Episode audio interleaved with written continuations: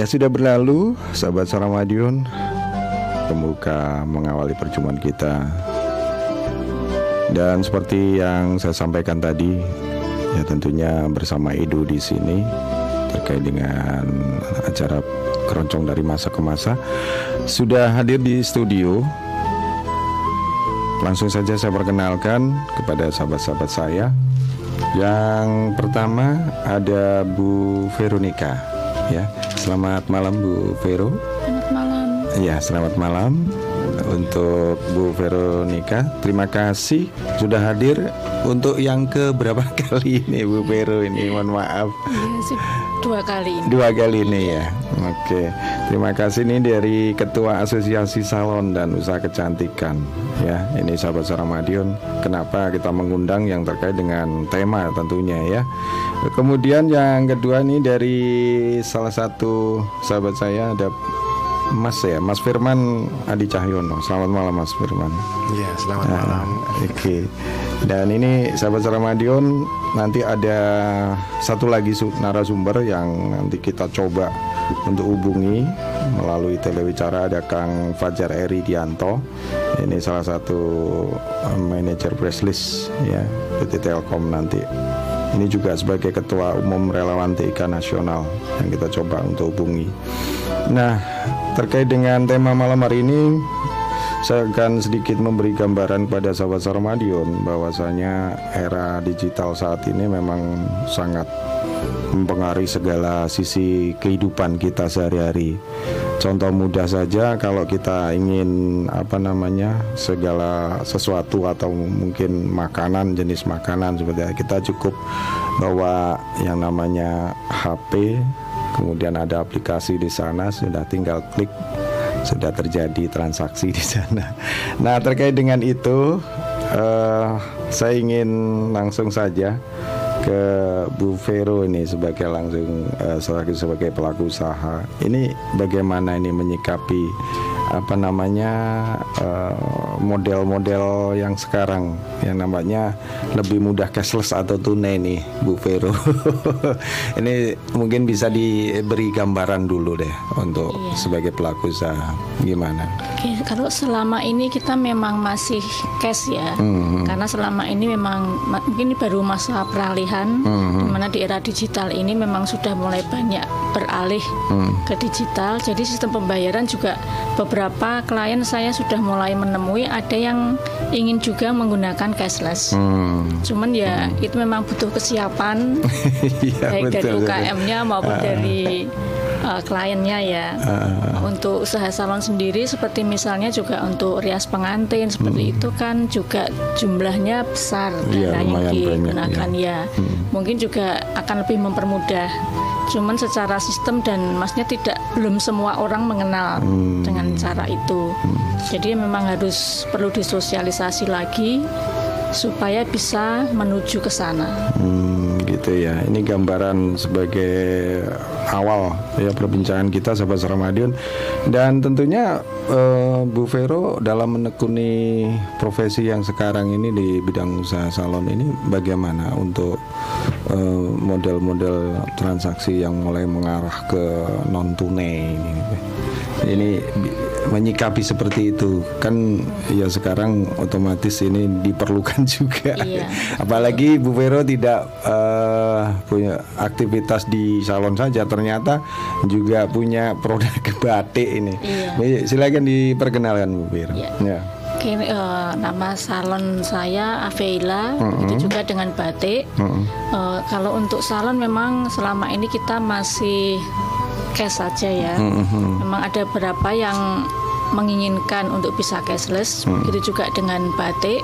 Seperti dalam pameran-pameran itu biasanya memang sekarang sudah mulai. Hmm. Jadi beberapa masyarakat sudah mulai mengenal dan kita sebagai pelaku UKM-nya pasti harus siap juga, Siap harus juga, ya. mempersiapkan diri juga untuk bisa melayani. mau nggak mau, Mau ya nggak mau harus Karena mengikuti, tuntutan seperti betul. itu anak muda sekarang eh, anak-anak SMP itu sudah sekarang modelnya seperti itu kalau mau Iya, beli apa-apa kebutuhan kayaknya sudah langsung Sudah online langsung, ini Oke terima kasih Bu Vero ini sementara kita beralih ke Mas Fajar. Eh Mas Firman ya. Mas Firman ini di apa uh, sebagai yang bergelut di dunia perbankan. ini tolong deh ini di apa ya di di gambaran lah gambaran umum. Ini kalau kita ke tarik ke tema ini antara dua pilihan cashless atau tunai. Ini bagaimana dari sisi uh, perbankan ini? Enggak mas? Oke, terima kasih. Yeah. Jadi basicnya saya ini agen. Agen. Jadi ya? agen. Hmm. Jadi mitranya bank. Hmm. Ini sama juga dengan uh, usaha-usaha yang lain, cuma di bidang jasa keuangan. Hmm. Biar ke masuk ke situ. Hmm. Sedikit uh, pengenalan. Kalau kembali ke tema, memang sebenarnya antara yang cash dan yang apa namanya cashless itu ada kelebihan dan kekurangan masing-masing. Hmm. Tentunya uh, kita bisa menyikapi dengan bijaksana. Uh, semakin ke sini, semakin teknologi maju. Berawal dari dulu barter, ada alat tukar yang dinamakan uang. Sekarang hmm. di cashless memang sudah banyak sekali produknya kalau dulu itu sebatas mungkin transfer, transfer yeah. sesama bank atau hmm. ke hmm. lain bank, sekarang sudah uh, masuk ke uh, istilahnya tap itu ya pakai yeah. kartu. Uh, uh. Uh, debit, yeah. terus ada yang pakai kartu yang bisa dipakai untuk bayar tol itu, itu juga untuk belanja juga bisa.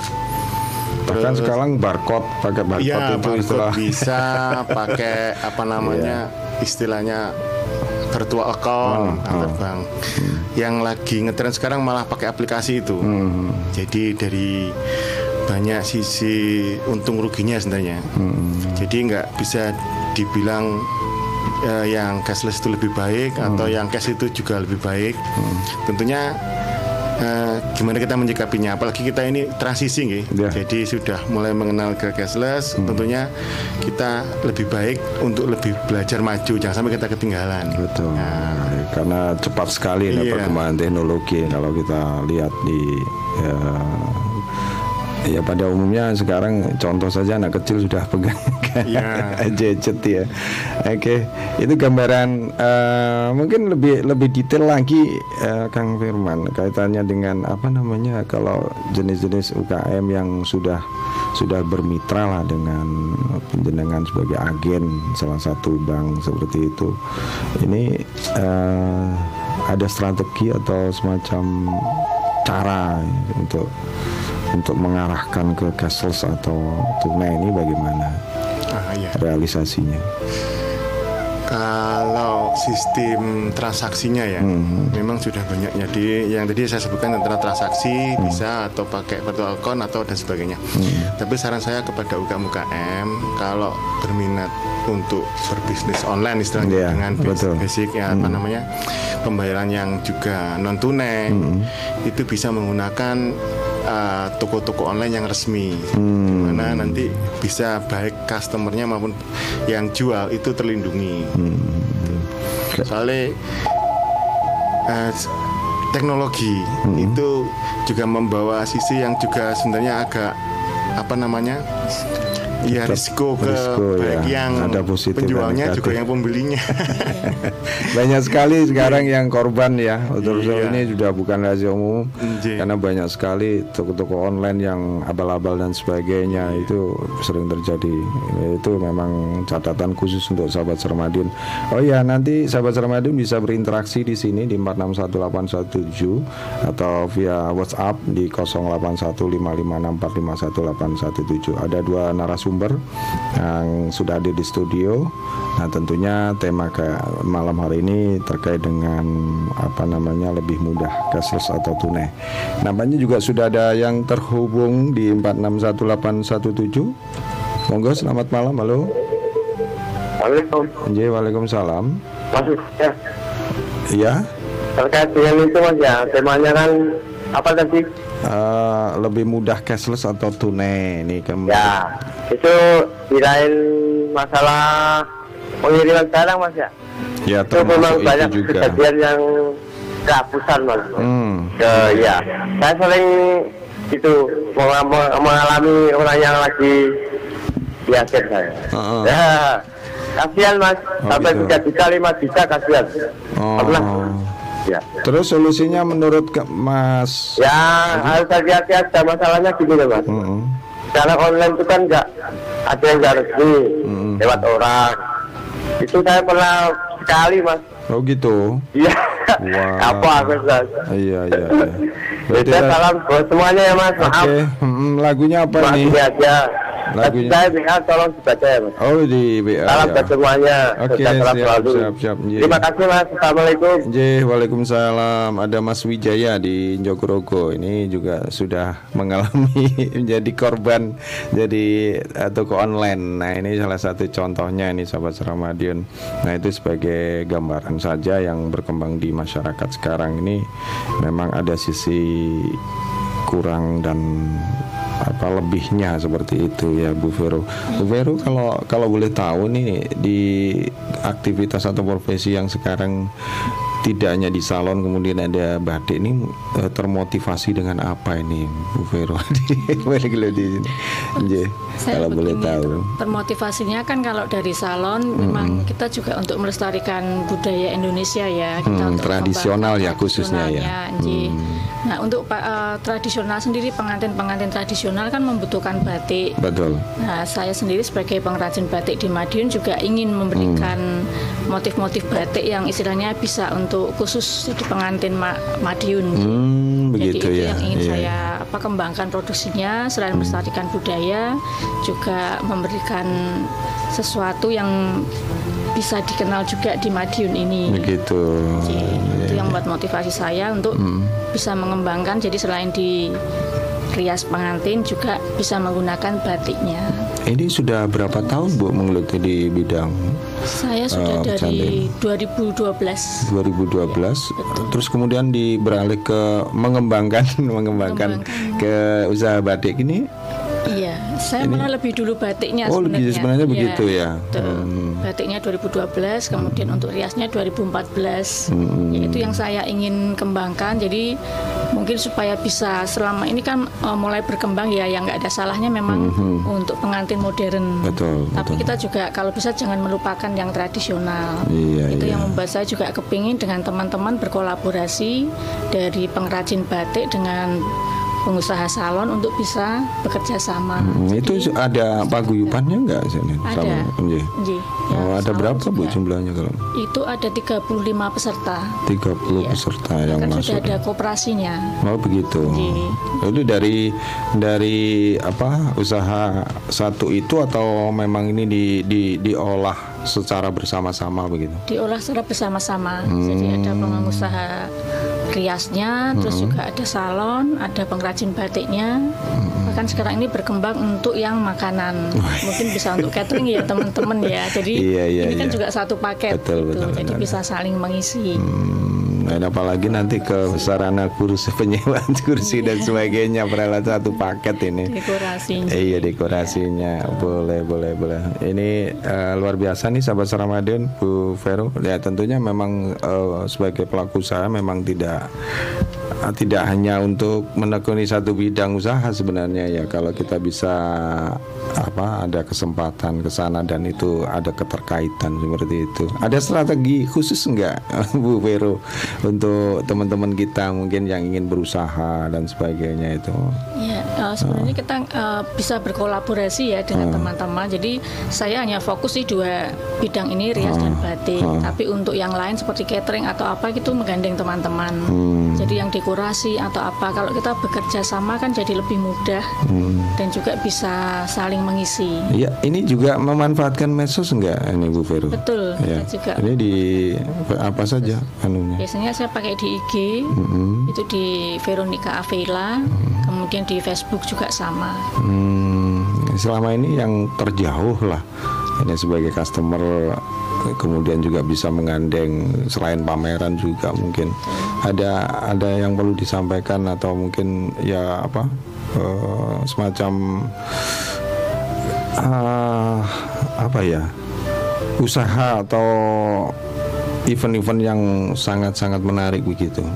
Ya kalau untuk di saya sendiri biasanya ikut wedding expo, kemudian pameran-pameran itu seperti kita juga difasilitasi dinas juga ya. Oh dinas, Betul. dinas koperasi ya. Betul ya, dinas koperasi juga perdagangan, industri itu bisa mensupport kita teman-teman UKM jadi untuk bisa lebih berkembang lagi. Selain itu kita juga masih bisa mandiri dengan komunitas UKM yang ada di Madiun. Kita bisa pameran di Aston, di VIV. Itu juga uh, sangat mensupport kita sebagai UKM untuk lebih berkembang. Itu jadi pengelolaan yang bentuk koperasi seperti tadi itu ya. Iya, Hmm, kooperasinya juga juga mestinya sudah sudah berbadan hukum. sudah. Wah luar biasa nih. Iya. Iya.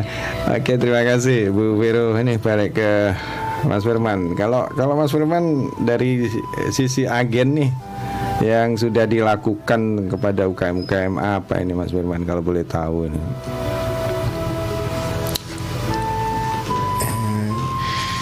Kalau dari agen karena memang mitranya BRI atau maaf eh, mitranya bank, Iya. jadi mewakili bank bisa membantu di sisi misalnya memberikan kemudahan. Hmm, ya nggak apa-apa disebut. Kayaknya nggak apa-apa. Iya. Ah. Jadi untuk misalnya berurusan dengan bank, Hmm. baik pengajuan kredit dan sebagainya itu bisa lewat agen. Hmm. Jadi kalau misalnya di bank itu namanya pengusaha ya, Iya. terus harus ngurus ke bank dan sebagainya, harus ngantri, membutuhkan waktu banyak, di Ah. agen bisa bantu. Nah ini kalau boleh tahu nih, eh, kalau menjadi eh, sebuah agen seperti itu, ini dibutuhkan modal berapa, Mas Firman? ya jujur. Ya, gitu. karena nggak mungkin ya suatu usaha walaupun untuk agen kan itu nanti menjadi apa a- ada kejadian apa permasalahan apa pun di sisi keuangan kan harus ada jaminan kan ini itu paling tidak seperti itu. Ini besar nggak ya modalnya? Saya kira agen saya dengar dengar di apa eh, beberapa informasi yang di radio-radio kan itu juga sudah gencar itu. Agen-agen bank gitu, seperti itu Iya, sebenarnya kalau untuk modal itu relatif ya. oh, relatif ya. Tergantung apa namanya eh, agennya. Hmm, sama juga dengan usaha yang lain. Jadi lebih bijaksana untuk mengatur keuangannya. Jadi Hmm. tidak harus memiliki modal yang sangat besar. Hmm, jadi sangat besar. Jadi cukup cukup saja udah bisa. Oh. soalnya eh, perputarannya cepat. Hmm. terus strategi yang digunakan juga harus bisa apa namanya kan memang ada targetnya betul jadi untuk menghadapi targetnya itu kita harus punya strategi pemasarannya. Misalnya dengan promo-promo, dengan publikasi. Memang beberapa uh, publikasi juga dibantu sama uh, kemitraan kita. Misalnya dia di media, uh, masa dia sampaikan agen untuk mempermudah dan sebagainya. Kita juga harus bisa uh, atau pandai-pandai menciptakan publikasi sendiri seperti untuk tampilannya. Jadi kalau agen itu harus apa namanya seperti memiliki- apa iya, standarnya seperti standarnya. apa layanannya kan seperti itu ya ini kalau boleh tahu ini karyawan sudah berapa ini agen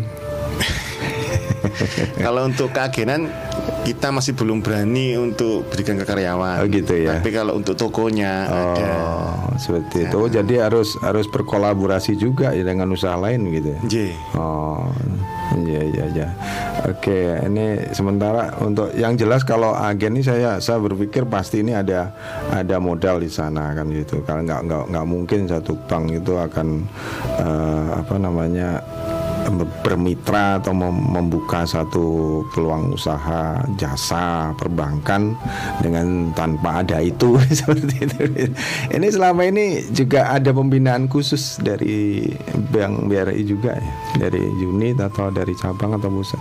Iya, kalau pembinaan tetap ada. Ah, tetap ada. Jadi ada pertemuannya setiap bulan Hmm. itu dari unit maupun dari cabang nanti ada itu menyampaikan pembinaan. Jadi untuk teman-teman agen yang di apa istilahnya di bawah standar Hmm. untuk gimana meningkatkan standarnya terus target-targetnya gimana cara-caranya untuk Hmm. meningkatkan transaksi gimana terus menghadapi atau memberikan servis ke nasabahnya gimana, customernya gimana, begitu. Itu setiap bulan ada, terus ada pendampingan. Memang ada karyawan bank yang mendampingi agen. Jadi mereka ditugaskan untuk memang keliling ke agen-agen, terutama agen-agen yang eh, masih baru atau masih berkembang dan sebagainya atau ada yang masih kurang mereka harus meningkatkan transaksinya gimana. Jadi itu ada pendampingan. Terus ada juga dari kelompok-kelompok klaster. Jadi di Madiun itu ada tujuh klaster. Itu ada penanggung jawabnya ketua klasternya yang nanti akan mengontrol teman-temannya. Jadi dari agen sendiri.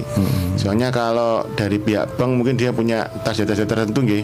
Tapi kalau dari teman-teman agen mereka bisa lebih enak gitu loh. Jadi ngobrolnya permasalahannya dan sebagainya apa bahkan saling bantu. Ini kalau yang ada di wilayah kota ada berapa agen?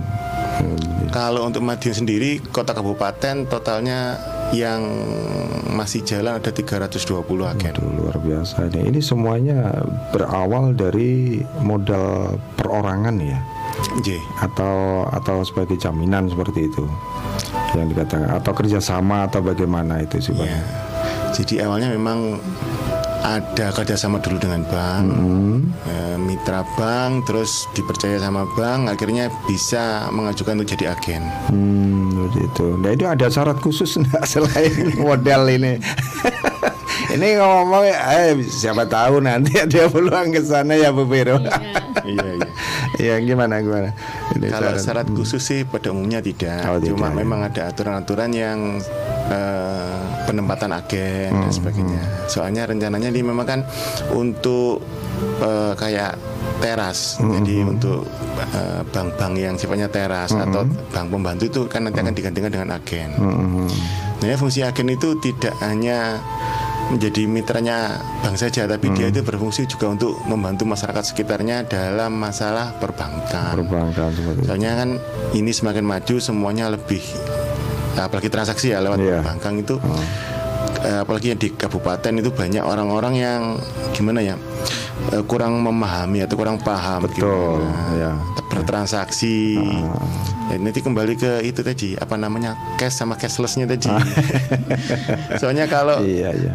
nggak seberapa paham tentang produk produknya bank itu terutama itu kan nanti kalau mau melakukan apa namanya transaksi itu ya tadi kayak bapak tadi yang telepon itu jadi mengalami apa namanya eh, ketipu lah istilahnya Tapi dari agen sendiri berhak nggak untuk untuk eh, menjadi semacam penanggung eh, atau mungkin apa transfer ke agen-agen itu. Eh, Misalkan kan sekarang kalau kita buka di eh, salah satu mungkin e-commerce gitu ya untuk untuk mungkin buka lapak seperti itu kan di di situ ada bank-bank yang yang yang enggak enggak menyebutkan agen. Nah, itu eh, bagaimana menyikapi cara untuk masyarakat umum bisa membayarkan ke agen seperti itu. Sementara ini kalau kita ngomong produknya dari kita ya dari BRI itu agen itu memang dikedepankan karena memang dari jumlah agen itu memang lebih banyak yang di BRI Hmm. Eh, terus apalagi ya Kalau untuk jualan online belum ya saya kira. Untuk untuk apa eh, transfer ke situ atau mungkin sebagai apa namanya eh, kas yang ada di customer misalkan kita mempunyai tabungan di situ seperti itu. Itu juga berlaku untuk di agen bisa menabung bisa mengambil dan sebagainya itu. Eh, semua transaksi yang di bank bisa dilakukan di agen? bisa dilakukan di agen pada Bisa. umumnya seperti itu. Jadi nggak hanya transfer, tarik tunai, terus mau bayar angsuran sampai pengajuan pinjaman, buka tabungan, hampir Bisa semua ya produk bisa dilakukan. di agen. Memang ada beberapa pembatasan untuk perlindungan apa customernya, nasabahnya. Cuma memang di agen memang dikasih kewenangan untuk bisa melakukan semua transaksi yang hampir sama di bank. Oh, seperti itu. Nah, ini bah- bahkan untuk kalian khusus ke bidang ada kalian khusus nggak sebagai agen ini? Ada keterampilan khusus lah seperti itu. Kan nggak mungkin kalau kita meng- apalagi dari dari sisi apa namanya pengelolaan sistem keuangan manajemen akuntansinya dan sebagainya saya kira ini harus uh, satu sen pun menjadi masalah seperti yeah. itu Mas Firman jadi sampai mau nggak di, bisa disampaikan ya jadi untuk agen sendiri itu ada apa SOP-nya ya ada oh. aturan-aturan antara agen dan pihak mitranya dari hmm. banknya di sana nanti ada apa namanya harus ada kesepakatan di mana hmm. agen punya aturan begini, banknya punya standar begini. Hmm. Gitu. Hmm. Terus kalau keahlian khusus fungsi dari pendamping. Hmm. Jadi kita hmm. bilang PAB. Jadi yeah, ada yeah. PAB PAB yang mendampingi setiap klaster, hmm. setiap agen dan mereka akan keliling. Yeah. Salah satu uh, apa namanya keuntungannya di sini. Jadi semua transaksi kan tercatat. Yeah. Sama juga dengan cashless tadi. Mm-hmm. Salah satu keuntungannya itu semua bertransaksi tercatat kalau via bank. Oh gitu ya. Terus jika ada kesalahan misalnya ada kekeliruan transfer dan sebagainya, kita mm-hmm. masih bisa urus. Karena apa? Karena agen itu sudah dilindungi sama banknya. Jadi ada perjanjian SOP, ada pelindungan dan sebagainya. Selama agennya tidak melakukan kesalahan secara sengaja atau melakukan tindakan yang tidak sesuai dengan perjanjiannya hmm. atau keagenannya maka dia akan dilindungi sama pihak bank. Oh gitu ya. Jadi, jadi termasuk ada penipuan dan sebagainya itu jadi agen tidak akan ini cerita aja ya cerita hmm, hmm. beberapa pengalaman di agen itu ada yang melakukan transaksi misalnya beli apa uh, sesuatu yang melanggar hukum hmm. itu hmm. melalui transaksi agen otomatis kan itu via agen hmm. otomatis melalui rekeningnya agen hmm. begitu itu agen dilindungi dari pihak banknya untuk tidak termasuk pelakunya. Jadi terkadang-kadang kan pelaku itu termasuk yang mengetahui dan sebagainya. Soalnya kadang-kadang agen nggak ngerti itu uang buat iya, apa. Iya, iya, Jadi iya. fungsinya agen kalau dia itu sudah melakukan tugasnya mentransferkan itu. Iya. Misalnya kasusnya dia ada belanja ah, ditipu berapa ah, juta dan sebagainya ah, itu sering sekarang ini. Oh, dan itu agen iya, itu iya. kalau memang melakukannya itu sesuai dengan aturan iya. tidak bermasalah. Uh, tetap ada ada apa namanya backup itu ya iya, ya dari tetap. dari bank. Oke terima kasih Mas Firman dan Bu Vero kita mencoba terhubung dengan Deli Wicara dengan Kang Eri. Coba sebentar ya. Oke. Okay.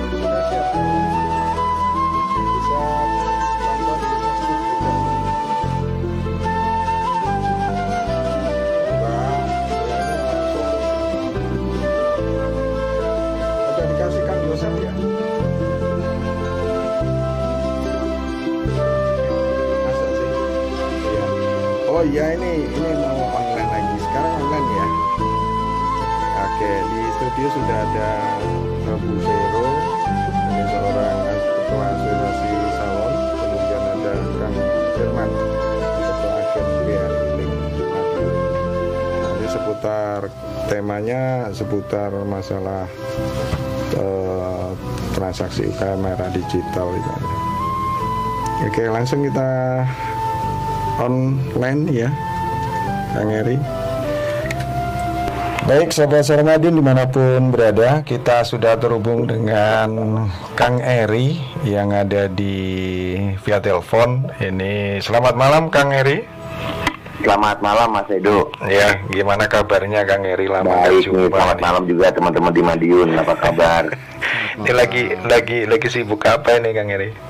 Ya, lagi sibuk dengerin radio, tapi udah putus lagi di Facebook. iya, ini eh, katanya Facebooknya uh, terputus ya? Iya, sekarang ini udah nggak ada lagi nih. Ah. Ya coba kita anu apa namanya biar ada operator yang anu. Oke Kang Eri, ini kaitannya dengan yang sekarang ini transaksi semuanya kan sudah versinya sudah model cashless ya. Nah ini kalau pandangan Kang Eri sendiri ini, ini sebagai apa orang yang paling sibuk di dunia IT. ini gimana Kang Eri menyikapi Ya. itu fenomena itu Kang Eri?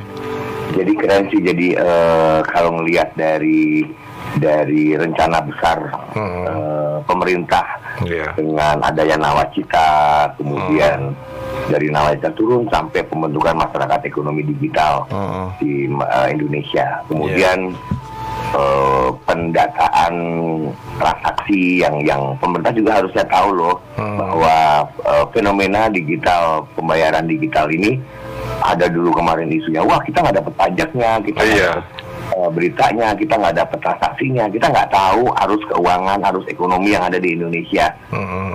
gitu. Jadi eh, ditambah lagi dengan aturan-aturan perbankan yang yang yang sangat ketat ya, Iya. sangat ketat. Mungkin ini Mas Firman sangat paham nih di BRI untuk Iya. menjadi sebuah se- se- sebuah agen Hmm. persyaratan yang harus dilakukan ketat sekali. Bahkan untuk menjadi seorang nasabah aja persyaratannya sangat ketat. Apalagi Ya, seorang agen ya. Nah, apalagi seorang agen yang Iya. bertanggung jawab terhadap barang-barang yang diperjualbelikan di situ ya mungkin. Hmm. Nah itu, cuman eh, ya itulah muncul fintech, kemudian banyak finansial inovasi yang dimunculkan oleh adik-adik kita yang pinter-pinter. Hmm. Ya, kalau di zaman saya belum ada itu kuliah Iya, di informatika. sama Dulu saya. Saya sendiri kok ya ketinggalan ya. lah iya, aku jadi pekso, Pak. Dipaksa harus tahu. Harus tahu. Dipaksa harus paham, dipaksa harus ngerti. Aku sok tahu aja lah pokoknya. Nah, dengan Iya. adanya banyak startup-startup yang bermunculan, Hmm. mereka membuat terobosan-terobosan inovasi di perbankan, di finansial ini yang sebetulnya membantu pemerintah, tapi juga eh, akhirnya kejar-kejaran dengan regulasi. Hmm. Nah, Terkadang terlambat regulasinya. harus terlambat kalau regulasinya duluan. Kalau regulasinya duluan berarti masyarakatnya nggak berkembang. Oh gitu ya. Iya kan? siap, siap, siap. Pura-puranya gitulah. Oke. harus, harus terlambat. siap, siap. J. gitu. Jadi Hmm. memang sekarang ya, inisiasi bisnis banyak dilakukan secara digital Hmm. dari mulai eh, proses jual beli Hmm. sebagai pembeli, kemudian sebagai merchant, sebagai tokonya gitu sudah banyak sekali platform yang yang yang diciptakan. Hmm. Nah, eh entar dulu Mas Edo, Ya. aku belum nyapa Mbak Vero. Oh sama iya Mbak. Vero. Ini Ya, ada. selamat malam Mbak Vero. Selamat malam, Pak. Aku lihat profilnya keren loh. Oh, Oh, oh, oh. Ini juga pengusaha batik loh Kang Eri. Nah iya, aku lihat tadi batiknya Oh, ada iya. dua lembar yang kelihatan di layar. Iya. Nah, Hmm. lanjut ya. Ya, Nah, eh, pelaku-pelaku usaha, pelaku bisnis kayak Mbak Vero dan teman-teman itu sangat Hmm. sangat terbantu harusnya dengan adanya digitalisasi ini. Iya. Gitu. Nah, memang kita harus memilih. Tadi di awal juga ada percakapan penipuan online dan Betul. sebagainya. Iya, Nah, banyak. itu itu itu tugas-tugas yang harus dikejar sama teman-teman di regulasi. Hmm. Gimana KYC? KYC itu apa ya? Eh, gimana mendata siapa usernya, siapa pembelinya, saldonya benar terpotong dan lain sebagainya itu proses yang harus di- dikejar sama teman-teman regulasi. Hmm. Nah, saya di sini Mas Edo sebagai sebagai fintech atau sebagai ertik nih. Eh, bisa dua-duanya deh, Kang Eri. Saya juga manut di sini. Saya juga Ya, dipaksa sama Kang Yosep kok. ya, ini kan semuanya selalu ada eh, unsur-unsur paksa ini. Ya kalau nggak dipaksa nggak gerak Mas iya, katanya begitu katanya. Heeh. Nah, kalau sebagai ertik, Hmm. kami sebagai relawan TIK itu kan eh, tugasnya mendampingi masyarakat dalam pemanfaatan teknologi. Ya, betul sekali. Dalam hal ini adalah teknologi digital. Hmm. Lebih spesifik lagi adalah teknologi digital dalam urusan pembayaran. Heeh. Nah, sementara banyak banyak provider jalan-jalan di masyarakat, Mm-mm. kemudian startup startup banyak dimanfaatkan oleh mereka. Sekarang ada juga pinjaman online dan Betul. sebagainya. Nampaknya juga mem- memakan banyak korban itu. Betul. Oh. Nah, ini, ini kan sebetulnya semua yang dimudahkan. Hmm. Semua kenyamanan dan kemudahan dalam bertransaksi sangat akan berbenturan dengan eh, keamanan. Hmm. Kalau mau aman pasti nggak nyaman. Betul. Kalau mau aman pasti nggak nyaman. Gitu Kalau ya. mau nyaman pasti nggak aman. Jadi bolak balik gitu toh. Nah itu, itu yang yang yang akhirnya kami juga di relawan kita Hmm. buat juga aplikasi eh, issuer kalau istilah Hmm. perbankan. Hmm. Aplikasi yang digunakan untuk pembeli. Hmm. Nah, namanya Ertik Pay. Nanti teman-teman bisa download. Oh, iya. Kemudian di platform lawannya Ertik Pay, lawannya aplikasi pembeli Mm-mm. itu adalah aplikasi merchant. Hmm. Nah, aplikasi merchant ini kita kemarin ikut di Bank Indonesia Hmm. eh, menstandarkan QR. Ada ada teknologi QR code Hmm. eh, quick response yang diciptakan oleh banyak provider kemudian itu di, di distandarkan sama Bank Indonesia dengan nama Kris dan ini bisa diinstal di di download di Google Play Oh, kalau mau coba. Nah itu Gitu. Mbak Vero tuh cocok kalau misalnya download di Google Play ada namanya keren Q R E N. Nah itu akan bisa menciptakan QR. QR-nya bisa ditaruh di meja, Hmm. kemudian bisa di scan. Yang yang bisa bayar siapa aja? Yang Hmm. bisa bayar link aja, kemudian BRIS, BRI, Hmm. kemudian eh, OVO, GoPay, Ertik Pay itu bisa bayar di eh, Keren. QR-nya tuh. Ah, keren tadi. Hmm. Nah itu yang yang upaya yang coba kita coba ciptakan, Hmm. coba teman-teman RT di seluruh Indonesia itu memperkenalkan kepada masyarakat, mengawal mereka untuk bertransaksi secara sehat. Begitu ya. Ini Gua sudah juga. sudah di di launching kapan ini Ki? 11 Kerennya. Agustus kemarin, Oh, 17 baru berarti baru ya. baru banget, baru banget. Karena memang kita teman-teman Bank Indonesia ngajak seluruh pencipta yang mendapatkan izin acquiring, Hmm. eh, mendapatkan izin mengakuisisi merchant, Hmm. membuat agen kayak Mas Firman gitu, Hmm. itu kayak BRI semua itu di- diwajibkan untuk bisa bergabung, disarankan untuk Hmm. bergabung. Hmm. Nah ini mungkin masih masih agak belum lurus Hmm. sampai dengan 1 Januari Hmm. ini eh, B- Bank Indonesia dalam hal ini mewakili pemerintah akan menutup semua aplikasi yang tidak standar QR. Oh, begitu. Ah, jadi memang sudah wajib Hmm. untuk implementasi QR Indonesia standar namanya KRIS. Hmm. Hmm. Ya. Gitu. Jadi nanti nggak kayak zaman dulu kan EDC di meja banyak banget gitu kan. Iya. Nah sekarang cukup satu QR Hmm. yang bisa dibayarkan lewat apa pun. Hmm, hmm, hmm, hmm. Gitu. Oke. Ini selama ini eh, sementara ini eh, ada ada beberapa hari yang lalu sudah di launching. Ini eh, respon dari masyarakat atau pengguna aplikasi gimana, Kang Eri? Sudah ada masukan atau bagaimana? Hmm, sekarang lagi pada sibuk mencari merchant. Hmm. Ah, menempelkan QR di se- semua tempat yang bisa ditransaksikan, Hmm. gitu kan? Hmm. Nah, responnya gimana? Responnya adalah bagaimana kesiapan masyarakat untuk didigitalkan. Hmm. Jadi banyak segmen yang kita kejar kayak eh, Kominfo dengan program gerbek pasar. Hmm. Seluruh pasar tradisional Hmm. dicoba untuk eh, di QR-kan. Hmm. Nah, kita buat eh, di Ertik buat namanya pandu digital. Hmm. Di mana pandu digital yang untuk gerbek pasar tugasnya mendampingi pasar selama sebulan. Hmm. Mendampingi ibu-ibu yang jualan, mendampingi bapak-bapak yang jualan untuk bisa memanfaatkan QR. Iya, Misalnya sa- seperti itu. Oke. Nah, sa- hari ini juga dengan Iko Wapi, Hmm. Iko Wapi itu Sahara namanya. Hmm. Itu juga kita launching untuk digitalisasi warung, hanya warung seluruh Indonesia. Oh, begitu ya. Memang tahapannya masih sangat panjang untuk bisa menjadikan masyarakat eh, ekonomi digital. Hmm, hmm. Ini sayang Kang Eri kalau pada bulan yang lalu atau bulan-bulan April kalau nggak nggak bisa hadir ke Madiun ya. Wah, aku nggak diundang Masa sih? Padahal aku ngincer. iya mas Wah, ya. itu Oh berarti ini namanya- diganggu sama Kang Yosep berarti ya? Oh, iya. Oh namanya Yosep, aku manggilnya Kelontang. Oh iya sama aja kelontang boleh. Oke, eh Kang Eri, waduh ini terima kasih sekali nih partisipasinya. Ya, sama-sama. ini harapan ke depan deh untuk apa keren ini nanti ada strategi khusus nggak kapan datang ke Madiun untuk sosialisasi ini? Ah, Hmm. oke kalau gitu tak di clear. Iya. Eh, apa namanya eh, FMLPPL Hmm, di eh, Radio Suara Madiun. iya. Ini menjadi base camp base campnya untuk para kanvasernya keren yang akan dipimpin oleh Kang Yosep. Wes mantap ya pokoknya. Nah, hari ini, hari ini tak tunjuk Kang Yosep sebagai Hmm. ketua leader di situ. Iya, betul, Nah, kita buatkan surat penunjukan Kang Kelontang kau dengar ya. Ah, Ini perintah ketum loh ini, Iya betul. ditolak. Eh, eh, eh.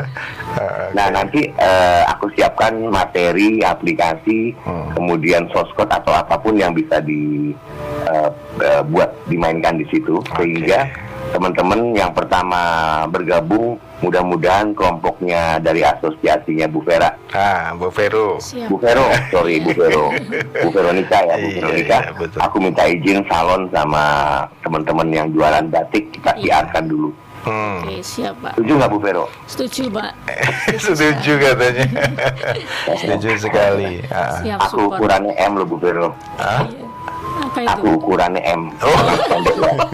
ini oh iya kode nih Bu Iya, Vero Oh, bisa bisanya ya nanti kan bisa menggunakan keren itu tuh untuk Ya, transaksinya betul. Oh, nanti gitu. nanti keren itu Pak Firman, Mas Iya, Firman. iya. Keren itu nanti yang memang baru dikritkan keren, berarti dia baru mendaftar sebagai merchantnya Kris. Itu rekeningnya pakai rekening BRI. hmm. Nah ini sudah perintah Pak Indra Utoyo. Hmm. Karena Pak Indra Utoyo juga bekas Telkom. Dia udah awas ya. Rekeningnya pakai goku. Oh siap komandan. nah gitu. Nanti Mas Firman tolong tolong hubungkan ke teman-teman BRI eh, setempat untuk mengawal teman-temannya Mas Kelontang Hmm. untuk menjadikan mereka menjadi nasabah Wah, sehingga mereka punya rekening BRI. Hmm. Setelah itu eh, mereka menggunakan platform merchant yang kita punya. Nah, Oke, Siap, siap. baik. Jadi biar waduh, dapat semuanya. Iya iya iya ini waktunya terima Karena kasih. pe- pesan WhatsAppnya gitu, awas Iya. ya nggak boleh pilih kasih. Oke siap, semuanya nggak senggol. Betul sekali. Eh kapan lagi ngerjain Kang Eri kan gitu. Aduh terima kasih sekali Kang Eri waktunya. sama-sama. ya. Salam Waduh untuk luar biasa nih. ada Ini nanti ya. lain kesempatan kita sambung. Nah tentunya jangan bosan-bosan deh hadir di sini di Radio Suara Madiun. Ya. Oke. Ya. Terima Ya, kasih Kang Eri. Selamat malam. Ya. Tetap Ya, semangat. salam untuk Iya. relawan TIK juga yang ada di Oke. Madiun. Salam untuk seluruh masyarakat Madiun. Salam untuk semua penggemar radio Suara Madiun. Ah. Salam untuk ke- eh, anggota asosiasinya Bu Vero. Ah. Sama salam untuk semua agen yang ada di Mas Firman. Oke, terima kasih Ya, Kang Eri. Selamat malam. Assalamualaikum. Waalaikumsalam.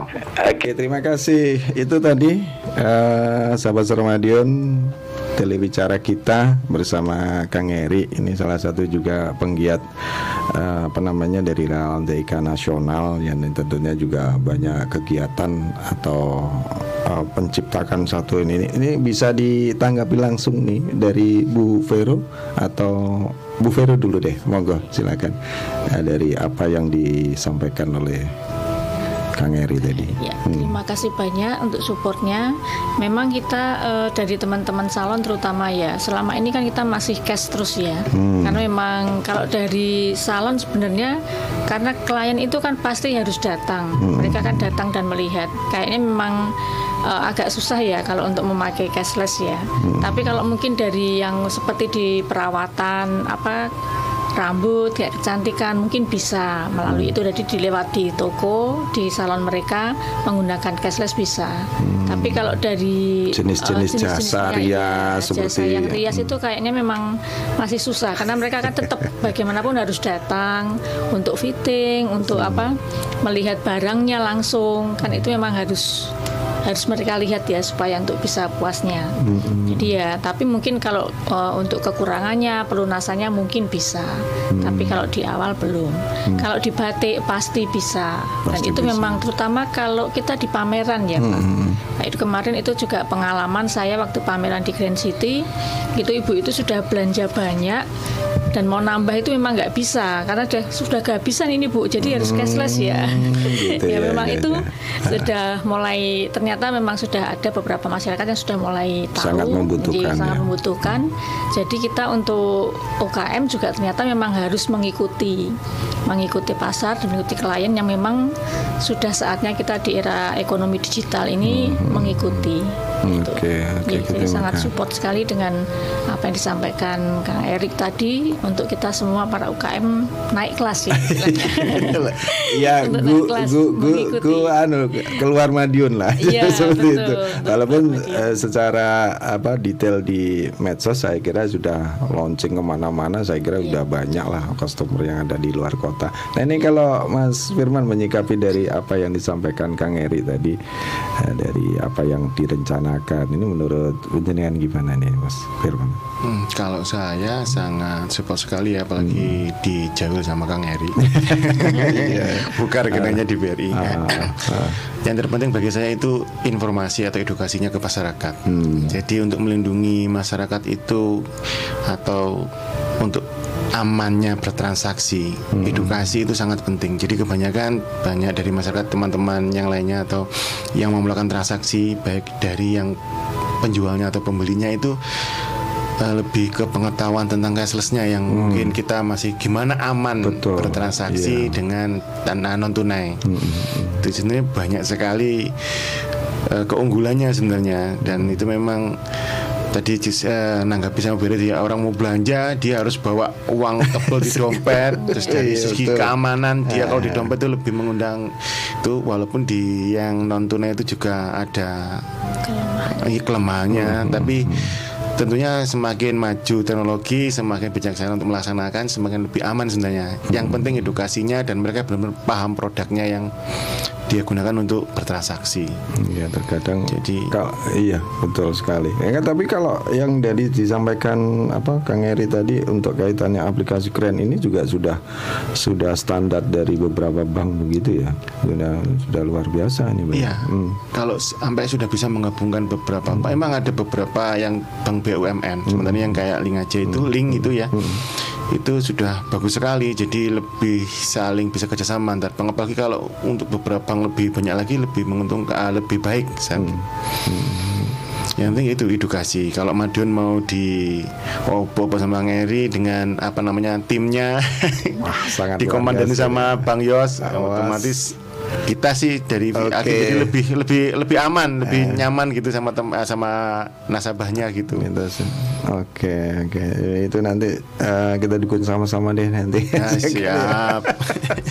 Kabar-kabar. Eh kalau kalau bicara masalah teknologi nggak ada habisnya nih. Sahabat Ramadhan silakan dong untuk berinteraksi di sini di 461817 dan tentunya di tema malam hari ini memang itu terkait dengan era industri atau era digital saat ini memang proses pembayaran dan sebagainya ini memang sudah mengarah ke cashless ya. Jadi itu satu pilihan ya mau nggak mau karena juga kalau kita pikir di eh, di transaksi yang sekarang ini semuanya serba eh, digital kan seperti itu. Nah, eh, se- eh, selanjutnya mungkin Bu Vero untuk pengalaman deh selama ini yang sudah digeluti ya, profesinya ini. Ada nggak yang merasa ketika teknologi sudah masuk di sana ya khususnya untuk uh, pemasaran di batik ini ada nggak komplain ketika sudah menjadi apa namanya uh, customer yang ingin, ingin membeli produk ketika itu kemudian ada permasalahan itu sudah dialami Bu Vero Ya, puji Tuhan selama ini belum pernah. jangan jangan sampai ya bisa jangan sampai. iya Masih aman-aman saja. Aman-aman saja. Iya. nah ini produknya dari dari asli Madiun atau mungkin Asli Madiun. Jadi saya produksi sendiri, bekerja sama dengan teman-teman. Jadi ada beberapa ibu yang kita sama-sama bekerja sama, yang bisa nyanting. Sekarang sudah mulai digalakkan ya Oh, untuk iya, batik iya. itu. Di Madiun juga mulai banyak yang tertarik ibu-ibu untuk bisa produksi. Jadi saya bekerja sama untuk pencantingnya, pembatiknya itu beberapa ibu-ibu yang jadi ini asli batik tulis ya Asli batik tulis. Hmm, untuk standarnya berapa meter itu kalau Biasanya dua setengah. dua setengah ya itu dikerjakan selama berapa Kalau minggu batik tulis itu kan untuk tinggal motifnya ya Iya, tergantung motifnya. Bisa satu minggu sampai dua minggu itu masih nyantingnya dulu. Hmm. Kalau pewarnaan biasanya sampai dua tiga hari. Terus nanti baru kita lorot. Hmm, gitu ya ya ini memang eh, kalau yang satunya ini kayaknya saya sudah pakai itu motifnya. Iya, ini batik masih pecelan madu Ah, ya untuk betul. kasnya. Ah. Kalau yang ini kan batik cap. Oh. Jadi beberapa untuk yang kita untuk produk yang apa masal berarti kan kita harus cap Oh gitu. untuk banyak. Tapi kalau Ini- tulis Selama ini sudah ada order yang terbesar? sudah biasanya seragam-seragam Oh. itu ya. Kita batik cap biasanya kalau untuk seragam Itu dilakukan berapa minggu dalam mempersiapkan orderan itu? Kalau biasanya kita untuk desainnya itu ya sekitar satu minggu dulu ya. Hmm. Jadi untuk menunggu bisa membuat desain itu kan kita harus mengerjakan dulu sesuai permintaan. Kemudian baru selanjutnya kalau cap itu bisa 1 sampai dua minggu. Oh gitu ya. Iya. Jadi melibatkan tenaga kerja banyak ya. Betul. Ini di di lingkungan sekitar Bu Veronica atau mungkin ada beberapa kelompok yang ada di luar situ? Bisa di luar di lingkungan kelurahan juga ada beberapa ibu juga ada yang di luar itu. Hmm, sudah di me- me- apa ya memanfaatkan keahlian keterampilan masing-masing gitu, gitu ya. Oke, oke, oke. Baik, sahabat Ramadion, untuk sesaat kita biar fresh kembali. Ada beberapa lagu yang sudah saya siapkan ya. Kita break dulu di acara bincang-bincang atau di acara pembahasan terkait dengan apa cashless atau tunai yang sedang marak saat ini. Ada beberapa lagu yang sudah saya siapkan dan jangan ke mana-mana tetap di 93 MHz Radio Suara Madiun.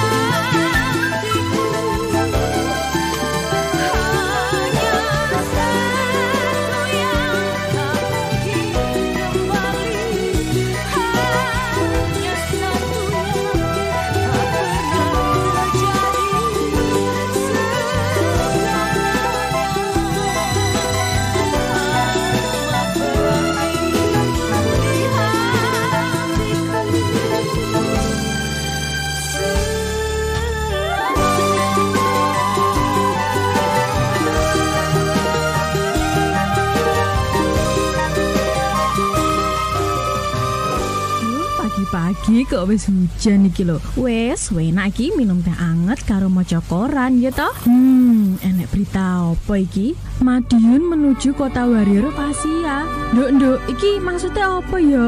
Wah, Ibu Dereng ngertos toh dalam rangka budaya pencak silat yang banyak di kota Madiun, Bapak Wali Kota memberikan tagline Warrior of Asia dengan harapan budaya pencak silat di kota Madiun mampu semakin unggul di Jawa bahkan sampai se-Asia. Eyalah Bio, wah apik tenan ya kota Madiun semakin maju dan unggul. Benar sekali, Madiun selain sebagai kota yang memiliki julukan kota pecel, ternyata juga memiliki julukan kota pendekar. Mau tahu lebih lanjut informasi seputar kota Madiun? Ayo akses website madiunkota.co.id. Jangan lupa dengarkan 93 FM Radio Suara Madiun. Yuk agar harimu semakin hari semakin padat informasi.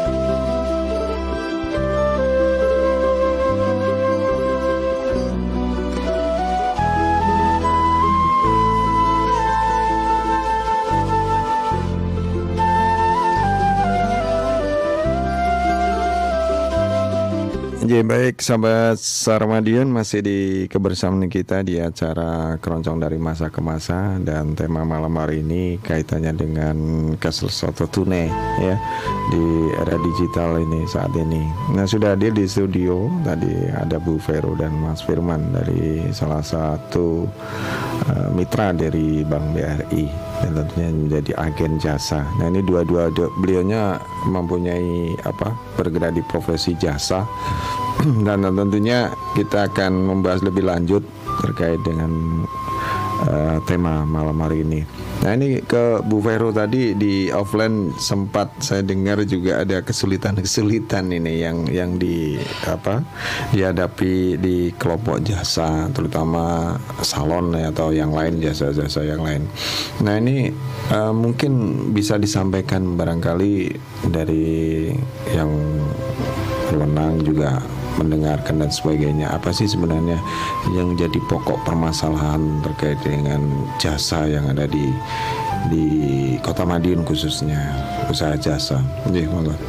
Ya mungkin untuk teman-teman yang ber, apa berusaha wirausaha di bidang jasa ya, hmm. itu biasanya kan kita masih belum ada ya sebenarnya mungkin sudah tapi masih kurang ya untuk hmm bidang jasa ini misalnya seperti kalau di pameran-pameran bentuk-bentuk pelatihan nah, apa betul ya hmm. untuk pelatihan juga kan biasanya kita hanya sekali begitu sudah dilatih sudah selesai hmm. hanya dasar istilahnya tapi kalau yang di produk itu kan biasanya ada pengembangan-pengembangannya hmm. sebenarnya di usaha jasa pun kalau seperti yang saya tekuni kan di salon ya hmm. itu kan juga bisa misalnya kita untuk uh, teknik pengantin itu kan juga bagaimana kita untuk melestarikan terus standarnya apa yang uh, uh, yang harus dijaga mungkin ada pakem-pakemnya hmm. itu kan juga harus bisa terus diajarkan hmm. atau mungkin dikembangkan yang modern mungkin dengan uh, teknik yang modern bagaimana cara merias yang modern juga untuk bagaimana merawat produknya ternyata karena produk uh, seperti di salon itu kan juga ada batas kadaluarsanya ada uh, BPOM-nya ya untuk Iya, kesehatan. ada kaitannya dengan kesehatan. Itu kan juga ternyata harus diedukasi juga untuk teman-teman di salon ini. Jadi mungkin dari kita sih berharapnya dari teman-teman salon juga ada pembinaan seperti itu. Jadi supaya kita juga aware kita tidak hanya melulu bekerja gitu J tapi juga ada edukasinya yang tentang kesehatan bagaimana kita juga dengan klien itu juga memberi yang terbaik. Seperti itu Ya, Juga. selama ini yang yang dilakukan oleh teman-teman untuk me- menyikapi permasalahan apa kekurangan apa namanya semacam ilmu atau tambahan atau standar dan sebagainya itu bagaimana Bu Vin? biasanya kita mandiri ya karena kita juga ada komunitasnya Di- di- ya di pertemuan rutin Iya. berarti kita ada pertemuan tiap bulan itu nah Hmm. di situ kita bisa mencari ilmu itu istilahnya ya mandiri Hmm. kita cari-cari di mana dan ini ya saya berusaha untuk dengan teman-teman karena saya juga kebetulan punya dua bidang produk yang berbeda satu iya. produk yang satu jasa nah di situ saya juga uh, berkolaborasi dengan bagaimana sih kalau yang di produk itu bisa dapat perhatian terus ada sesuatu yang dikembangkan.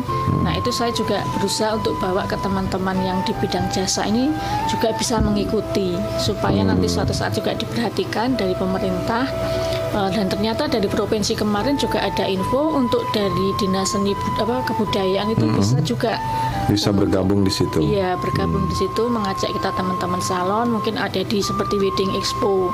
Jadi kita eh, anukan ke klien bagaimana sih sistem wedding apa wedding expo itu apa yang harus kita perkenalkan mungkin dari sistem tradisinya yang mereka kepengen ya apalagi anak-anak modern sekarang kan tidak tahu itu Selama ini belum pernah ikut di wedding expo itu tadi. sudah Sudah. pernah itu iya. dilaksanakan di mana itu? biasanya kan kita mandiri itu ada di Aston Oh, yang Iya. tingkat lokal ya. Betul. Untuk di tingkat beberapa kota seperti itu belum Biasanya belum. Hmm. kalau ada itu di Surabaya pernah ikut, terus di Solo juga ada.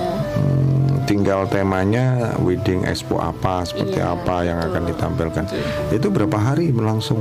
Biasanya 2 sampai tiga hari. Tiga hari dan Iya. itu uh, dana mandiri. Betul, mandiri. katanya katanya kalau nggak nggak ada apa semacam ya berakit-rakit ke hulu Gimana? ini katanya gitu ya mas Eh, kalau mas Firman versinya mas Firman sendiri di agen ini selama ini apa sih sebenarnya yang yang dikeluhkan atau yang jadi masalah mungkin ya yang ingin bergabung dengan agen kah atau dari melayani nasabah dan sebagainya itu apa yang, yang muncul masalah-masalahnya ya suka duka gitu ya Hmm, semacam itulah. Hmm, hmm, sampai saat ini banyak sukanya hmm, gitu. Karena masih di agen saya Iya iya. Ah, Jadi dukanya gini, jadi terkadang-kadang kita menemui nasabah atau klien ya yang datang, mereka itu kebanyakan yang apa ya, istilahnya mengalami ya tadi kayak penipuan. Itu semua yang sekali. Jadi kalau ada dari mana pun itu bisa bantu edukasi ke masyarakat apalagi tentang perbankan teknologi apalagi tadi yang direncanakan masyarakat jadi bisa bantu ke masyarakat itu sangat sangat bantu.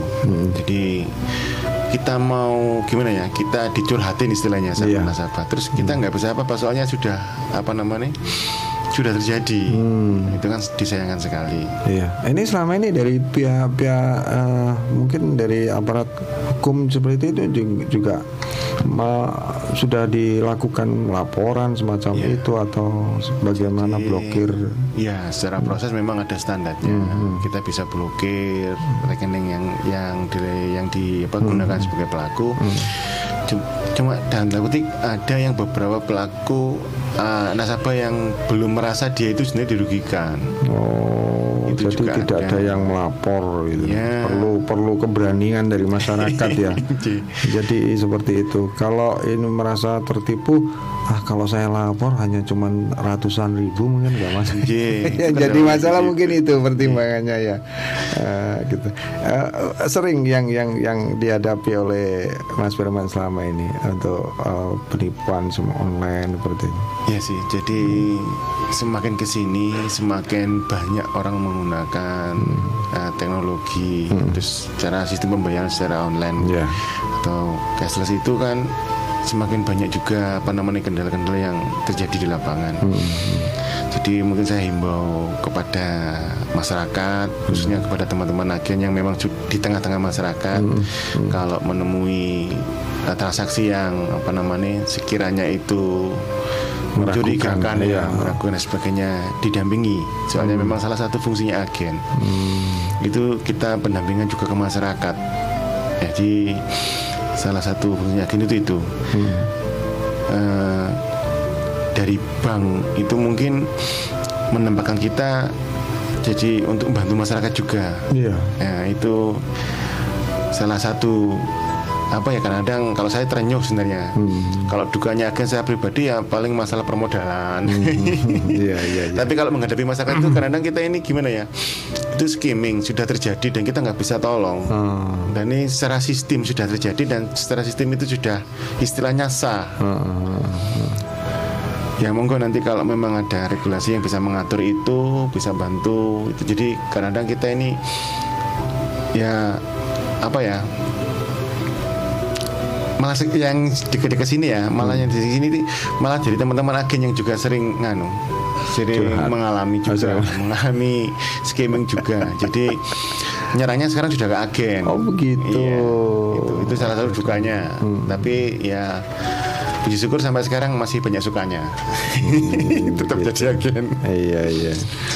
Oke, oke terima kasih Mas Firman. Nah, tapi dari dari apa namanya klien yang yang selama ini mungkin yang ingin eh, terjun di dunia keagenan ini ada ya yang tadi dipersyaratkan untuk beberapa ya standar dari bank dan sebagainya itu untuk apa namanya ada semacam pelatihan atau khusus ketika menjadi agen itu rutin dilakukan oleh pendampingan pihak bank atau melaksanakan tersendiri begitu seperti jasa yang di Bu Vero ketemu ada pelatihan ini dan sebagainya sama kan seperti itu Ya, kurang lebihnya sama. Jadi kalau jadi mitranya uh, bank itu kan otomatis ada pertanggungjawaban antara agen dan bank. Iya. Jadi ada pendampingan.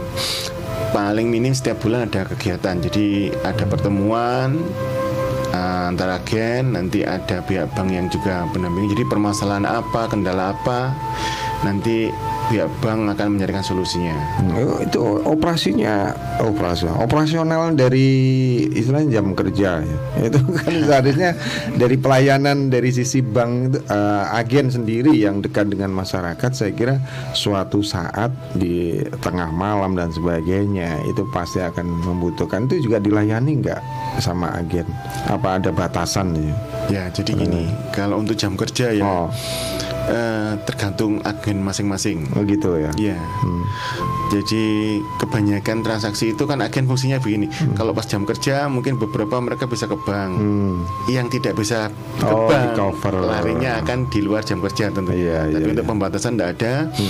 Sementara ini memang untuk keamanan monggo diatur sendiri soalnya yang paham tentang lingkungannya atau dia akhirnya misalnya di tengah ulak-ulak dia harus Iya. sampai malam berisiko jadi itu tapi kebanyakan agen sudah ngerti. Jadi untuk keamanan sebagainya mereka tapi memang untuk jam kerja kebanyakan teman-teman agen di sampai di luar jam kerja. Soalnya apa?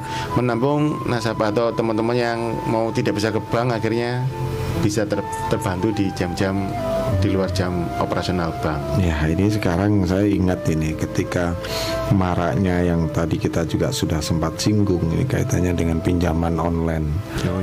Nah ini kalau dari sisi eh, di profesi agen ini bagaimana menyikapi itu? Ini sebenarnya yang terjadi seperti apa eh, transaksi online atau pinjaman online ini?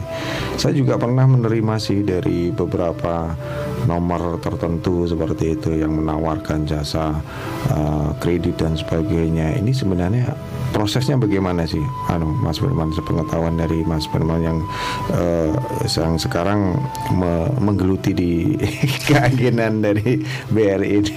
Pernah terjadi nggak anu, apa atau mengamati lah seperti itu? Atau menjadi pesaing seperti itu? Enggak sampaikan. Hmm. Iya. Jadi memang ada beberapa aplikasi bahkan mungkin ada yang eh, beberapa usaha yang memang memberikan pinjaman secara online. Basicnya gampang sekali ya. Secara online kita cuma apa ngasih fotokopi identitas diri dan sebagainya, dana cair walaupun itu memang dalam jumlah terbatas. Eh, yang pertama itu yang harus diperhatikan bunganya. Hmm. Jadi bunganya itu kalau saya pengalaman saya ya, Iya.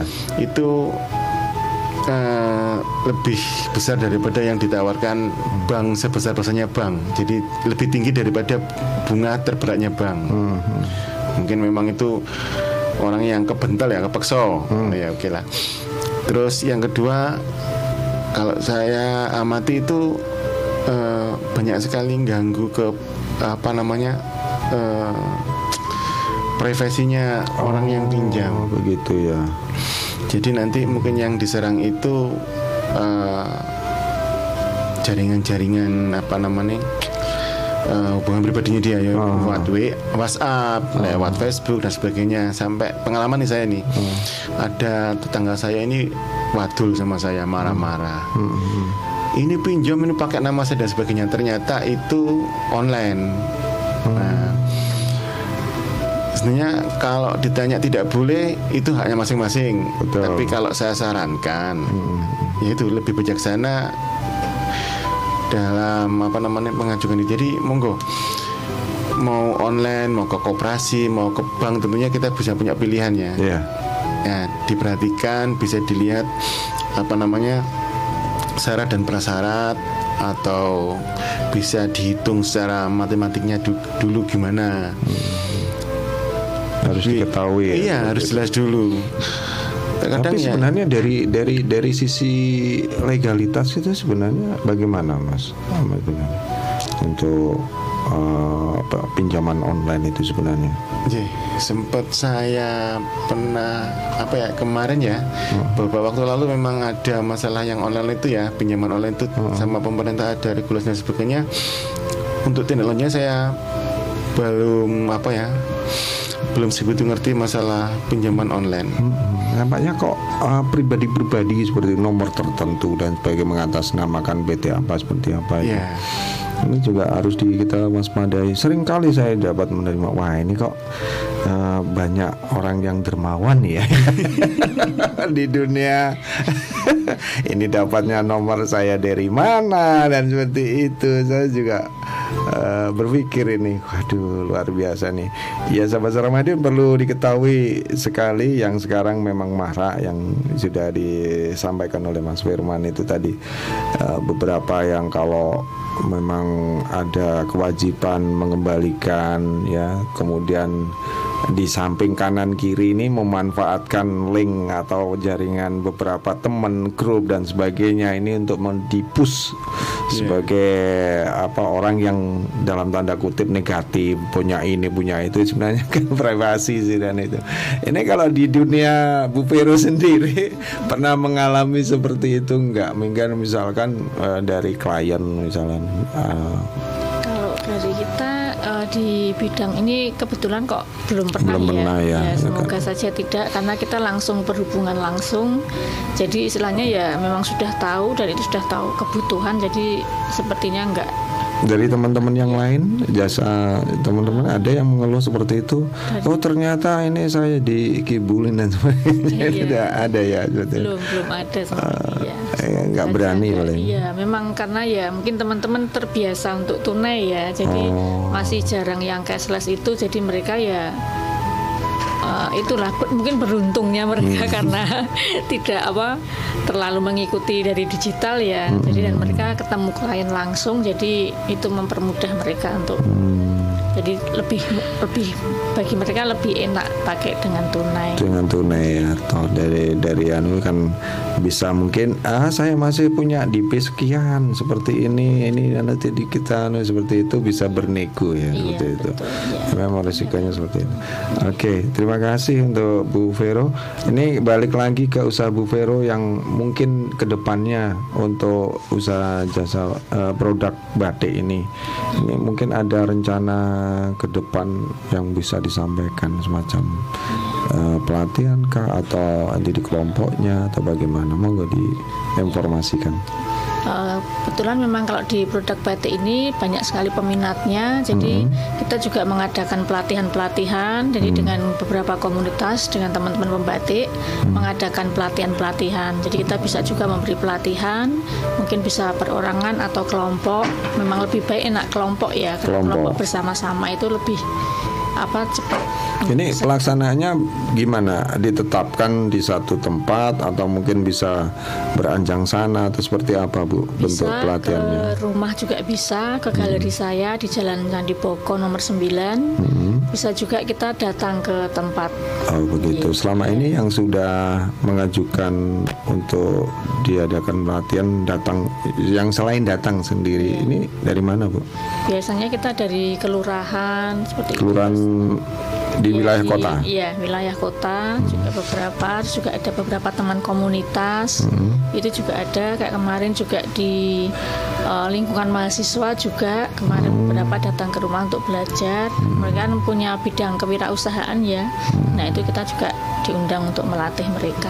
Hmm, seperti itu sebenarnya. Eh, kalau bisa dibilang eh, Bu Ver- Vero ini sudah kategorinya sudah di, di level ini tutor ya seperti itu bukan lagi seorang pengusaha. Nah ini dari sisi motif yang yang yang saya saya lihat ini ada dua. Ini ada ada ciptaan lagi atau sudah mempunyai rencana untuk bikin motif yang lain seperti itu.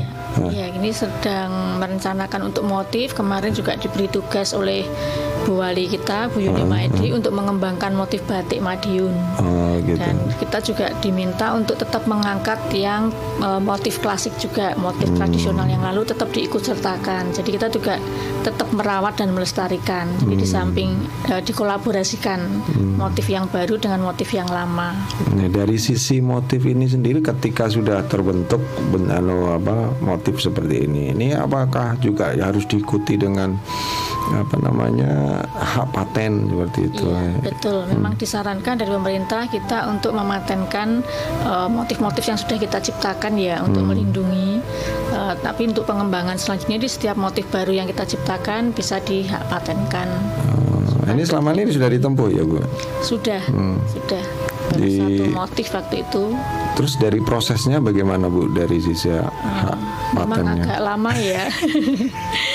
Udah agak lama butuh waktu dan juga kita harus karena juga motif kita terus berkembang ya Pak ya. Jadi ya ya tetap untuk rencana ke depan masih akan saya masih punya beberapa motif yang akan saya launching nanti mungkin Oktober. Oh Oktober ini sudah punya angen-angen bentuk motifnya yang Iya, berikutnya. Luar biasa nih. Kalau Mas Firman sendiri dari sisi apa namanya semacam perlindungan kepada nasabah, ini kan semesti- mestinya privasi dari masing-masing nasabah juga sudah protek gitu ya Mas Firman. Ini berlakunya bagaimana Mas Firman? Ketika kita menjadi nasabah salah satu agen, ya ini ini bagaimana proses misalkan sudah mengajukan kredit dan sebagainya ketika nunggak dan sebagainya apa perlakuannya sama dengan bank? Monggo disampaikan. Jadi kalau masalah nasabah sebenarnya nasabah banknya. Jadi agen cuma membantu dalam prosesnya aja. Oh begitu. Iya. Ya, saya kira sudah menjadi tanggung jawab agen itu ketika kita mengajukan apa modal semacam itu melalui agen itu. Iya. Oh. Jadi untuk prosesnya kita membantu nasabahnya untuk pengajuan. Hmm, hmm, Terus sampai pencairan juga bisa di agen. hmm. Jadi untuk prosesnya memang proteknya tetap di banknya, basicnya gitu. Jadi untuk pencairan dia harus ada, hadir di banknya. Terus apa namanya jaminannya juga ke banknya. Kita ngawal prosesnya sampai pencairan. Nanti pencairan bisa juga diam- diambil di agen. Oh, begitu. Jadi tetap nasabahnya nasabah banknya. Hmm, iya, iya. saya kira ini sudah full ini karena sudah bermitra, sudah bermodal lumayan dan sebagainya bisa menangani sendiri. Ini diperbolehkan nggak nggak mau mau di luar itu prosedur itu? Tidak diperbolehkan. Oh, tidak diperbolehkan Iya. ya. Tetap Jadi ada. tetap Oh. ke banknya. Walaupun itu ada dalam tanda kutip target tertentu. Iya, Oh. jadi ada itu. Jadi sekarang kan zamannya online. Jadi Hmm. untuk pengajuan dan sebagainya bisa lewat agen. Hmm. Setelah itu prosesnya kembali ke bank, dari bank dikembalikan ke agen. gitu. Iya iya iya. Oke. Baik, sahabat Ramadan silakan yang mau hadir di sini di 461817. Coba saya cek di eh, WhatsApp barangkali ada ada Mbak Yomi. Terima kasih Mbak Yomi sudah hadir. Assalamualaikum Waalaikumsalam. Oh ini lagu saja. Terima kasih. Ini kalau kalau lagunya Kemuning ini versinya pop ya. Ini mohon maaf Mbak Yomi tidak bisa saya hadirkan nanti ngikut aja. Kemudian ada Mas Wijaya yang tadi juga sudah online. Oh iya sudah saya putar lagunya. Salam buat alumni 89 Universitas Muhammadiyah Malang jurusan Pertanian Agronomi anggota IPMAWI. Salam sejahtera selalu terima kasih. Yes, terima kasih Mas Wijaya. Ada dua WhatsApp yang eh, masuk. Kita tunggu sahabat Ramadan untuk yang mau berinteraksi di sini. Yang jelas tema malam hari ini menyikapi tentang cashless atau tunai yang lagi marak di sini. Eh, dalam perkembangannya memang eh, sangat luar biasa. Bahkan banyak juga juga uh, tidak sedikit yang menjadi korban dari pinjaman online dan sebagainya ini. Ini kalau dari kacamata Bu Veronica sebagai apa ya? Kalau dari sisi batik ini saya kira nggak ada hubungannya. Dari sisi jasa juga nggak ada hubungannya. Nah, ini secara umum saja Bu Veronica menyikapi mungkin dari teman-teman. Eh saya butuh modal nanti ke bank tertentu kok sulit dan sebagainya. Ada nggak dari teman-teman yang sudah memanfaatkan jasa pinjaman online nih? Sementara ini memang belum ada. Dan kalau dari saya sih sebenarnya memang lebih aman ya kalau kita langsung saja ke bank. Bank pasti kalau tertentu kita ya. ya syarat-syaratnya bisa memenuhi pasti bisa kok. Hmm. Dan sekarang memang dari pihak bank sendiri sangat mendukung untuk UKM-UKM wirausahawan itu berkembang. Hmm. Jadi saya rasa lebih amannya kalau kita lewat bank dulu saja. Oh, iya betul sekali. Memang kalau kita memahami dari sisi kemudahan sih ya dengan sekian menit, sekian jam dan ini ini namanya strategi ya. kalau agen sendiri strategi yang digunakan gimana Mas? Mas Firman, selama ini apakah harus setiap ada agenda khusus ya untuk mem- mem- ya barangkali ya kaitannya dengan target itu sendiri. Ini itu gimana menyikapi ya syukur-syukur kalau nanti kit- saya sendiri bisa ketularan menjadi agen siapa tahu kan itu. ya gimana Mas? Ya, monggo. Jadi Ah. kalau untuk agen yang pertama itu menanamkan kepercayaan kepada pelanggan tentunya ya. Jadi menanamkan kepercayaan penting. Terus kedua pengetahuan tentang produknya. Jadi produk bank sama yang nggak kalah penting itu publikasi atau Publikasi, tampilannya di ya. agennya, ke agennya juga. Dan itu juga kepada teman-teman yang lainnya mau diperhatikan yang agen resmi itu ada sertifikasi dari bank. Jadi ada standarisasi dari begitu, bank. iya. Jika sudah tidak punya sertifikasi yang harus diperbarui itu berarti eh, monggo dipertanyakan ke agennya. Nah itu eh, masyarakat umum bisa mengetahui nggak sertifikasi ini sudah. Ah. Jadi untuk standarnya agen itu sertifikatnya harus tampak. Jadi ada di situ ada nomor keagenannya, ada sertifikatnya yang setiap tahun ada pembaruan. Oh begitu. Gitu. Jadi nanti agennya itu nanti ada selalu ada apa namanya yang ikut pembinaan, ada sertifikasi dan sebagainya dia akan dapat sertifikat setiap tahunnya untuk itu menyatakan kalau itu agen yang apa namanya bisa dipercaya. Jadi gitu. Untuk strategi ya kurang lebihnya begitu. Mm. Jadi apa mungkin waktu-waktu tertentu masuk ke pertemuan RT, ibu-ibu PKK itu juga di- ditempuh juga gini barangkali lah ya. Kalau pengalaman saya di tempat saya ada promo, ada apa namanya, misalnya ada pengundian, hadiah, gitu. Jadi setiap apa namanya lima transaksi di tempat saya, nanti kita tukar dengan nomor undian. Nanti setiap tahunnya kita juga ada acara untuk bikin apa namanya hadiahnya itu. pengambilan Pengambilan undian hadiahnya. ah, semacam Iya. kupon yang Iya, itu. iya. Nah, ini juga mendatangkan kolega-kolega juga klien-klien itu seperti itu ya. Iya. Oh, seperti itu. Ini kalau dari sisi bidang jasa batik apakah juga sama? Di, dipromosikan seperti itu Bu Vero selama ini. Iya, kalau yang batik dan jasa biasanya kita ikut pameran di situ ya. Terus Kita adakan fashion show seperti itu, kayak di Wedding Expo, di Kebiar Batik. Terus juga untuk pameran-pameran biasanya kita ikut promonya di situ. Kemudian dari sisi harga penjualan atau pembelian misalkan dalam stok tertentu yang ditawarkan ini pastinya ada diskon dan sebagainya atau ditempuh dengan jalan yang lain nah, misalkan promo-promo dari lingkungan sekitar atau bagaimana Bu? Iya, biasanya kita ngambil di momen-momen tertentu ya, seperti di hari besar atau apa itu kita mengadakan promo bisa diskon juga di saat pameran-pameran. Sampai berapa Bu untuk diskonnya? Kita Sampai bisa- 50 persen? Nggak maju ya? Iya. Nanti kalau 50% ikut Pak Edo. Janganlah kalau saya cukup di sini aja hanya ini membantu aja. Kalau dari per apa istilahnya kalau begini apa per Potong. per potong ya. Ini dua setengah meter, dua setengah meter berarti khusus untuk ibu-ibu atau bapak-bapak. Untuk bapak-bapak Bapak bisa, bisa ya? untuk hem lengan panjang. Lengan panjang, ya. Kalau ibu-ibu kan bisa dari blus Hmm, gitu, atau dress. Ini rata-rata harganya berapa bu? Kalau Saya kisarannya antara 200, kalau yang cap itu 200 sampai 250. Kalau yang tulis itu sekitar 350 sampai Hmm. lebih mahal ya. 250 ya.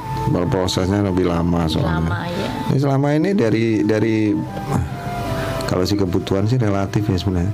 Tapi dari dari kebanyakan yang yang disukai dari produknya batik Bu Vero ini yang jenis cap apa yang tulis ini?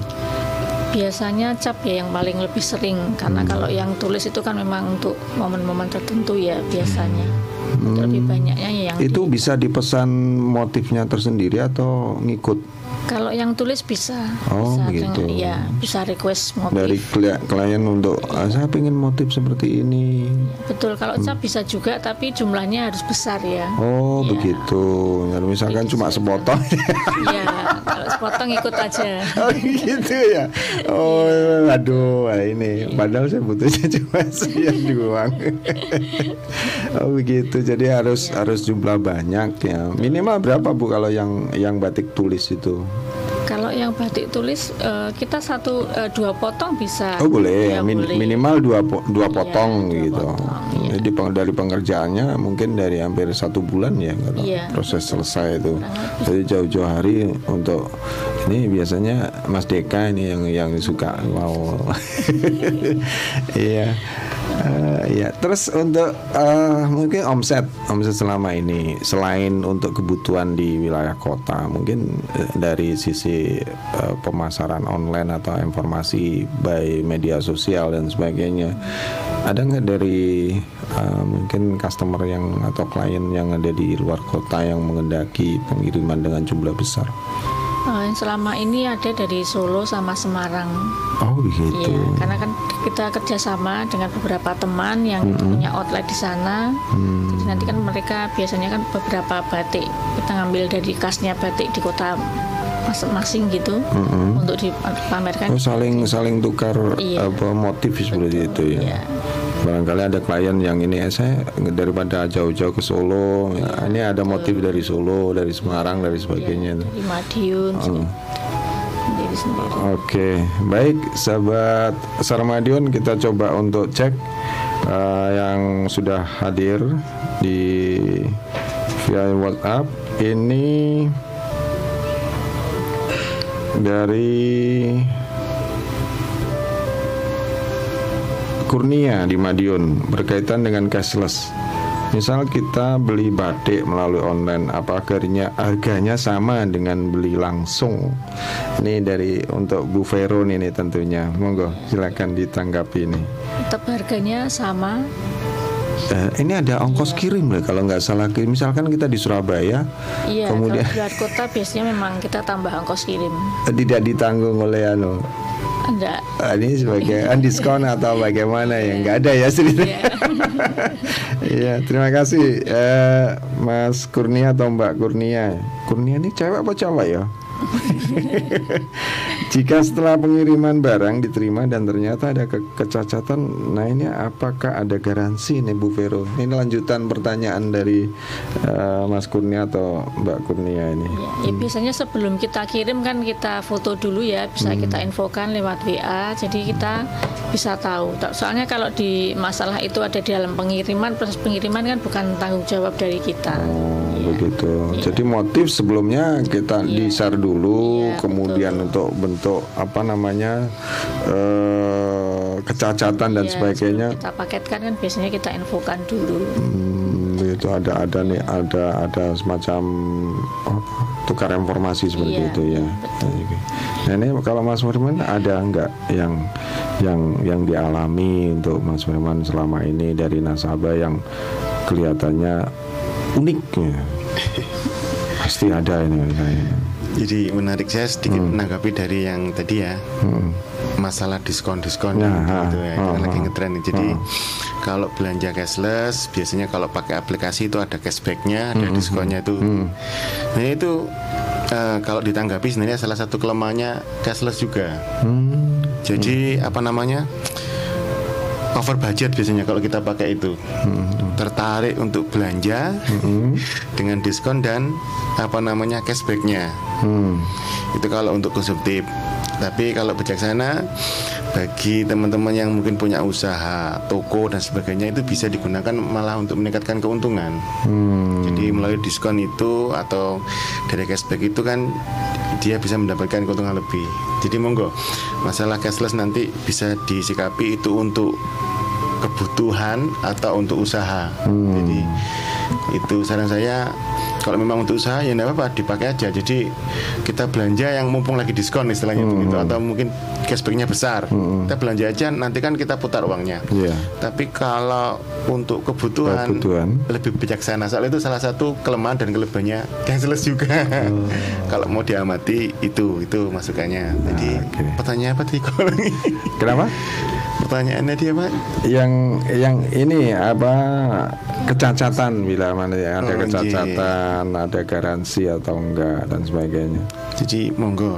Jadi untuk produser juga ini kan sudah banyak ya teman-teman yang memang ber- bergerak di bidang itu ada toko online dan sebagainya yang resmi. Kita bisa menggunakan toko online itu. Jadi pembayarannya nanti kan misalnya ada kecacatan dan sebagainya ada komplain bagi yang penerimanya itu nanti kan bisa apa namanya ngeklaim ke toko tersebut nanti hubungannya sama yang produsernya terjadi kecacatan itu pada saat pengiriman atau pas di apa namanya iya Sampai di rumah. Iya, nanti bisa diurus. Jadi Oh. kalau pembayaran non tunai dan itu kita gunakan di toko-toko yang sudah resmi online, itu memang ada standarnya atau mungkin ada apa ya istilahnya perjanjiannya dari yang produsernya. Jadi nanti bisa diurut-urut terjadi kecatannya di mana. Nah, itu itu termasuk bisa melindungi ke customer. Pengalaman saya kan juga udah banyak sekali teman-teman yang bayar lewat agen masalah yang pembayaran non tunai itu juga gitu sambate.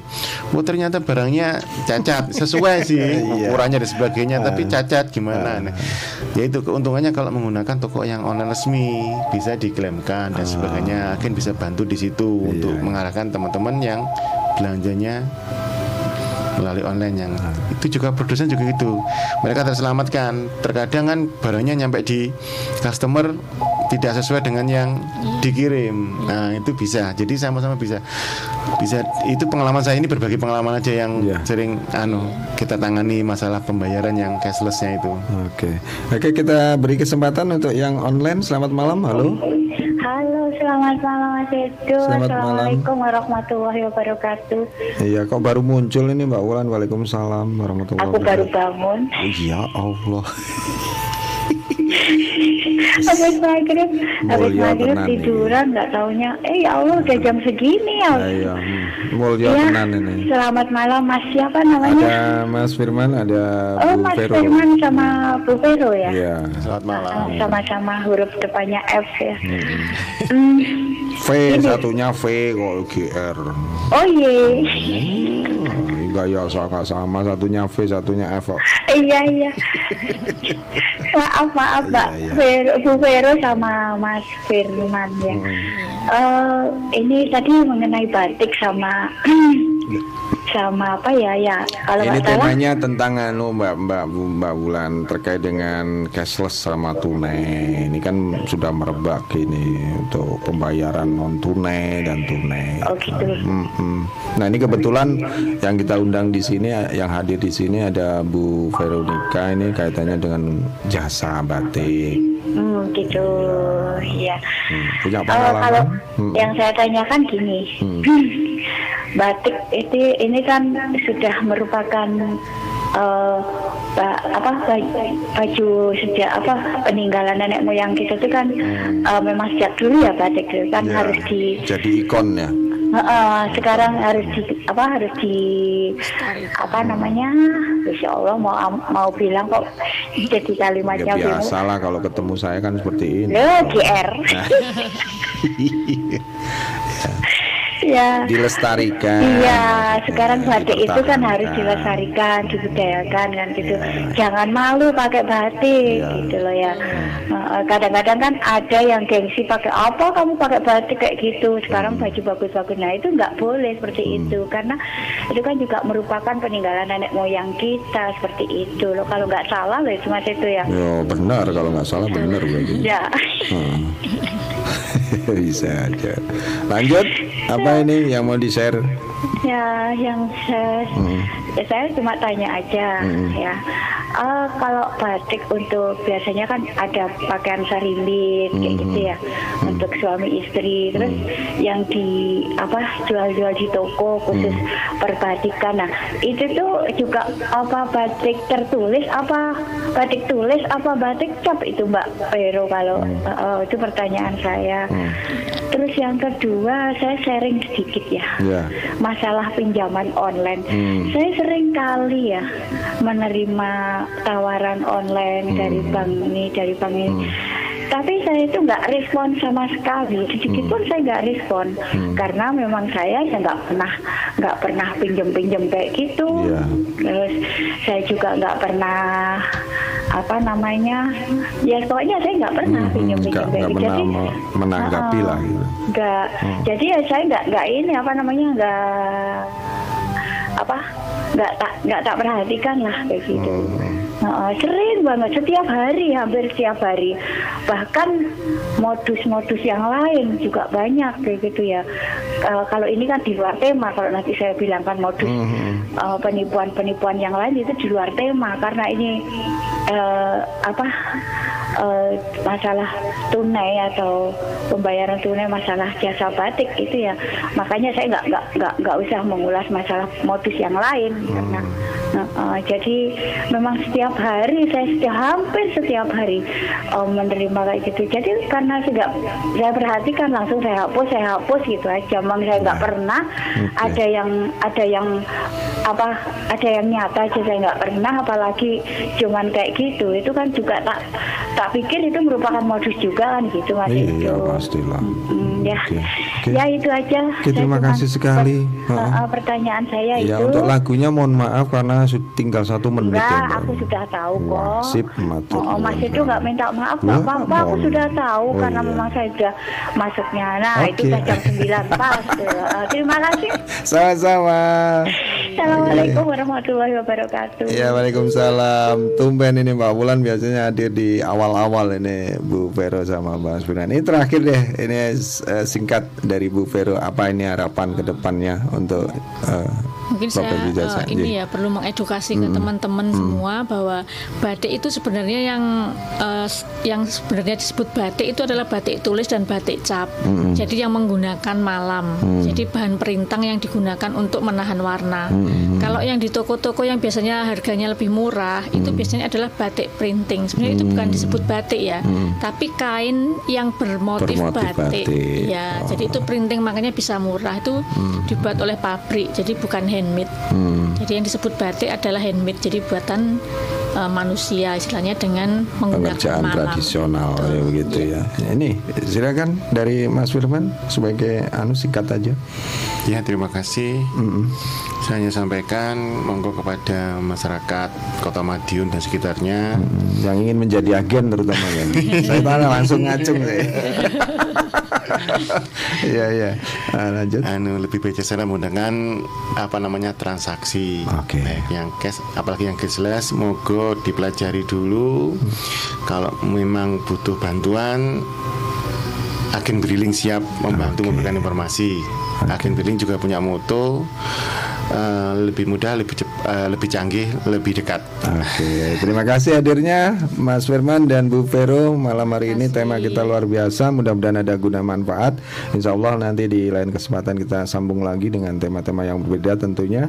Dan akhirnya dari kawasan Stadion Wilis Kota Madiun kita pamit dulu. Sampai ketemu lagi. Wabillahi taufiq wal hidayah. Wassalamualaikum warahmatullahi wabarakatuh. Sampai jumpa.